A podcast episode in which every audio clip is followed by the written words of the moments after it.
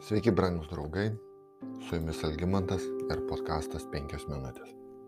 Jo vardas Jonas. Jono Krikščitojo gimimas nuo pat pradžių buvo neįprastas. Senyvo amžiaus kunigas Zacharijas ir jo žmona Elžbieta neturi vaikų ir praradė, jeigu taip galima pasakyti, viltį sulaukti jų. Tačiau Zacharijui einant tarnybą šventykloje, dešinėje smilkalų aukuro pasirodė jam Dievo angelas Gabrielius. Tas pats angelas, kuris Marijai išpanašavo Jėzaus gimimą ir kuris prieš kelias šimtmečius pranašui Danieliui išpranašavo Kristaus gimimą, ateimą, paaiškinęs jam regėjimą. Dangaus pasiuntiniai Zacharijui pranešė džiugę žinę, kad jam gims sunus kuris bus didis viešpatės akivaizdoje nuo pat gimimo pripildytas šventosios dvasios ir daugybė žmonių atvers į Dievą. Tai mes randame užrašytą Luko Evangelijoje pirmame skyriuje. Duodama šitą žinią Dievas net parūpino būsimojo pranašo vardu. Jo vardas Jonas, tai reiškia Dievo malonė. Joną pirmiausia pažįstame dėl to arba žinome jį, apie jį dėl to, kad jis krikštijo žmonės Jordano upėje. Tačiau jo tarnystė buvo daug platesnė nei vien krikštijimas Jordano upėje. Jis buvo kilęs iš Arono, giminės taigi buvo kunigas. Tojo pranašiška tarnystė buvo panaši pranašo Jeremijo, taip pat Arono palikonio tarnystė, Jeremijo pirmas skyrius. Kunigai ir levitai pagal jų padalymo tvarką tarnavo šventykloje tik dvi savaitės per metus, o likusią dalį jie turėjo mokyti paprastus žmonės įstatymų. Malachijo knygoje antrame skyriuje yra parašyta, juk kunigo lūpos turi saugoti žinojimą, o žmonės turi ieškoti mokymų iš jo lūpų, nes jis yra galybių viešpaties pasiuntinys. Septinta eilutė.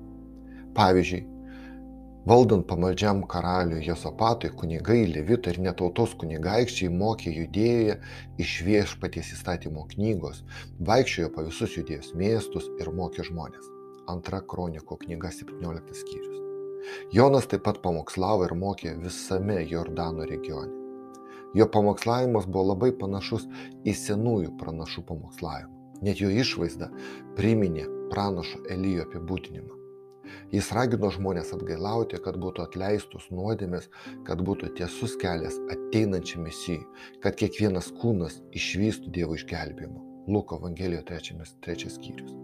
Žinoma, Jėzaus Kristo, Kristaus krikštas buvo pranašo misijos kulminacija, jeigu taip galima pasakyti, po kurios jis sakė, dabar jis turi aukti, o aš turiu mažėti. Jono Evangelijos trečias skyrius.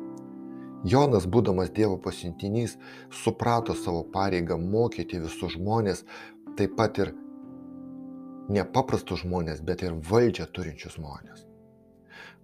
Ir mes matome, kad jis kreipėsi į Galilėjos valdovą Erodą Antipą su žinia, moko jį ir dėl to žinios jis buvo įkalintas, o po kurio laiko jis buvo nužudytas. Morkos Evangelija šeštas skyrius. Evangelijos pasakojimas supažindina mus su labai svarbiu klausimu, taip pat kurį Jonas uždavė Kristui, kai jau Jonas buvo kalėjime, bet nesmeniškai, o per jį aplankiusius savo mokinius. Jonas buvo girdėjęs apie Jėzus darbus ir tiesiai paklausė, ar tu esi tas, kuris turi ateiti, ar mums laukti kito. Mato Evangelija 11 skyrius. Įdomu tai, kad Jėzus nenuvyko asmeniškai pas Joną, neaplankė jo, bet pasakė savo klausėjams, eikite ir pasakykite Jonui, ką girdite, ką matote. O jie matė, kaip aklyjai įgyja regėjimą, raišiai vaikščia, raupsėtojai apvalomi, kurtieji girdimi, mirusiai prikeliami ir svarbiausia, vargšams skelbiama geroji naujiena ir palaimintas kiekvienas, kas nepasipiktina.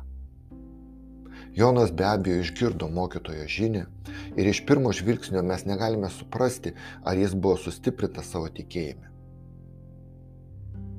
Kai daug anksčiau, dar būdamas laisvėje, jis išpažino krikštijant Jėzų, ar jis buvo sustiprintas ar ne.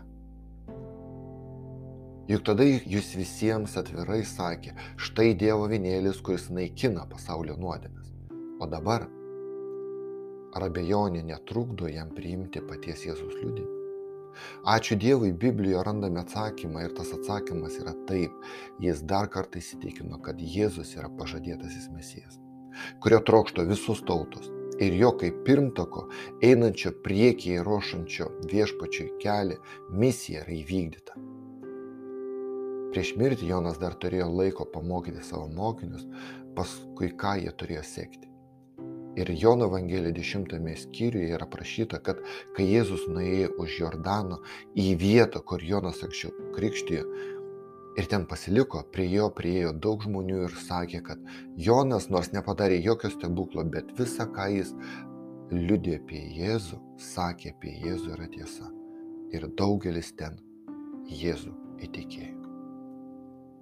Prangus draugai, pasigirdo šaukiančiojo balsas dykumoje išsipildė angelo Gabrieliaus pranašystė, kad Jonas daugelį atvers į viešpatį jų Dievą. Su jumis buvo penkios minutės ir Ilgimantas Jankievičius.